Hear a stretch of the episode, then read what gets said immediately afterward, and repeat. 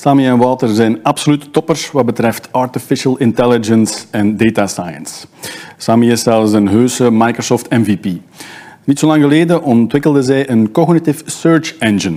Nu, wat dat is en waarom het zo interessant is, dat horen we van hem zelf. Dag Wouter, dag Sami.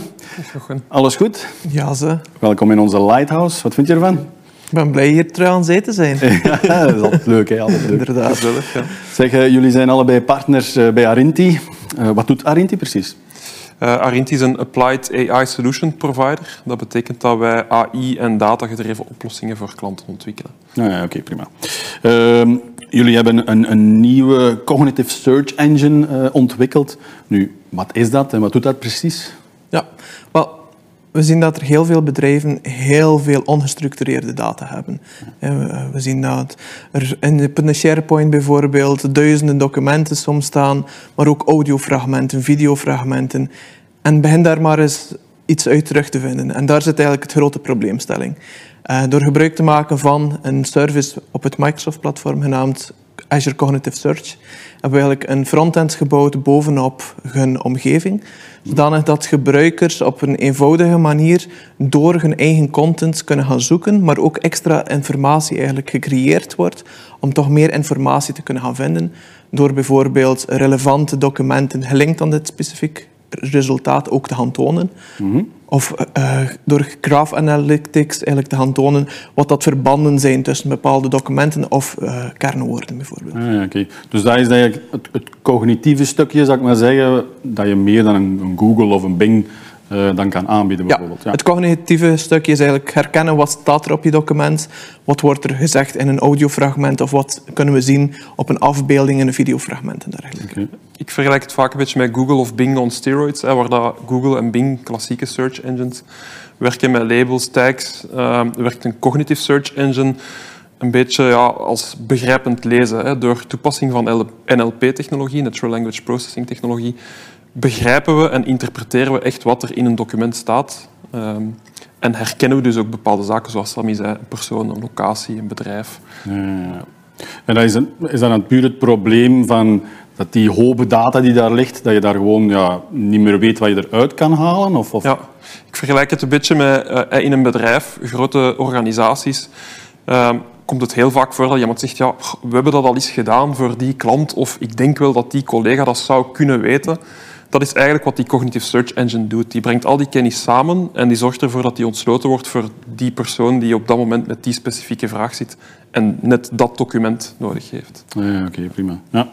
ja, waarom gebruiken dan, of waarom zou een bedrijf dan effectief zo'n cognitive search engine gaan beginnen gebruiken dan effectief? Hè? Want ze hebben wel die data en ze, ze, kunnen dan beginnen zoeken, maar wat zijn zo de use cases die er dan in zitten? De grootste use case is tijdswinst. Want vind maar eens iets terug en je hopen aan data. Absoluut, ja. Absoluut, ja, dat is wel waar. Um, ik las op jullie website uh, iets dat jullie samengewerkt hebben met Flanders Investment and Trade. Ja. Kan je daar iets over vertellen? Ja, dus als de Fit Enterprise Search noemen zij dat dan. Mm -hmm. um, en dat is eigenlijk allee, onder de motorkap, zeg maar, uh, die Azure Cognitive Search, waar Sammy het daarnet over had. Um, bij Fit gebruiken ze het eigenlijk om, om twee doelen te verwezenlijken. Enerzijds heeft FIT als missie om Vlaamse bedrijven te helpen exporteren. Anderzijds heeft FIT als missie om ja, internationale bedrijven in de Vlaamse regio te laten investeren. Dus die um, Fit Enterprise Search wordt vooral gebruikt om kennis over die bedrijven gemakkelijk terug te vinden. Documenten van handelsmissies bijvoorbeeld, uh, informatierapporten over bepaalde bedrijven en organisaties. Um, ze hebben op dit moment ongeveer 15.000 documenten in uh, zo'n omgeving zitten die ja, doorzoekbaar moeten worden gemaakt. Mm -hmm. Of dat ondertussen ook zijn. Mm -hmm. um, um, dus dat, allee, dat is de manier waarop dat zij het eigenlijk gebruiken. Ja. Ja. Die informatie gaan we dan uiteindelijk ook gaan aanvullen. Hè. Dus ze hebben nu een eigen CRM-systeem op Dynamics, waar dat, oké, okay, elke klant van hen staat daar natuurlijk in, ook met een, een, website bijvoorbeeld. En op basis van de URL van die website gaan we ook weer terug informatie gaan vergaren die we vinden op hun website, mm. om die ook mee direct te kunnen gaan linken aan de documenten die zij hebben. Ah, Oké, okay, prima.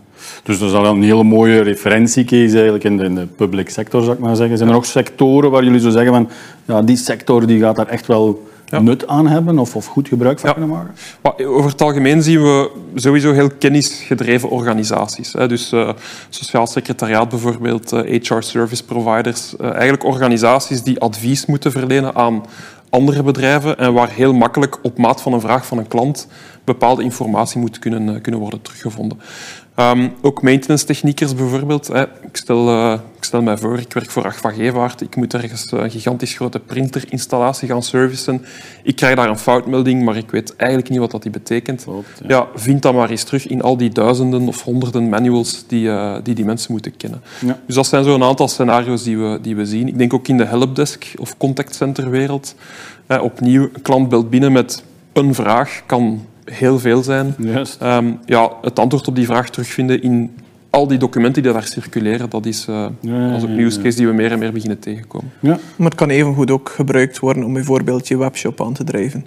Doordat de gebruiker... Het is een search engine, hè. dus dan ga je ook snellere inzichten kunnen krijgen, eh, sneller je resultaten kunnen krijgen, doordat er ook gebruik wordt van bijvoorbeeld de inhoud van de description van je product.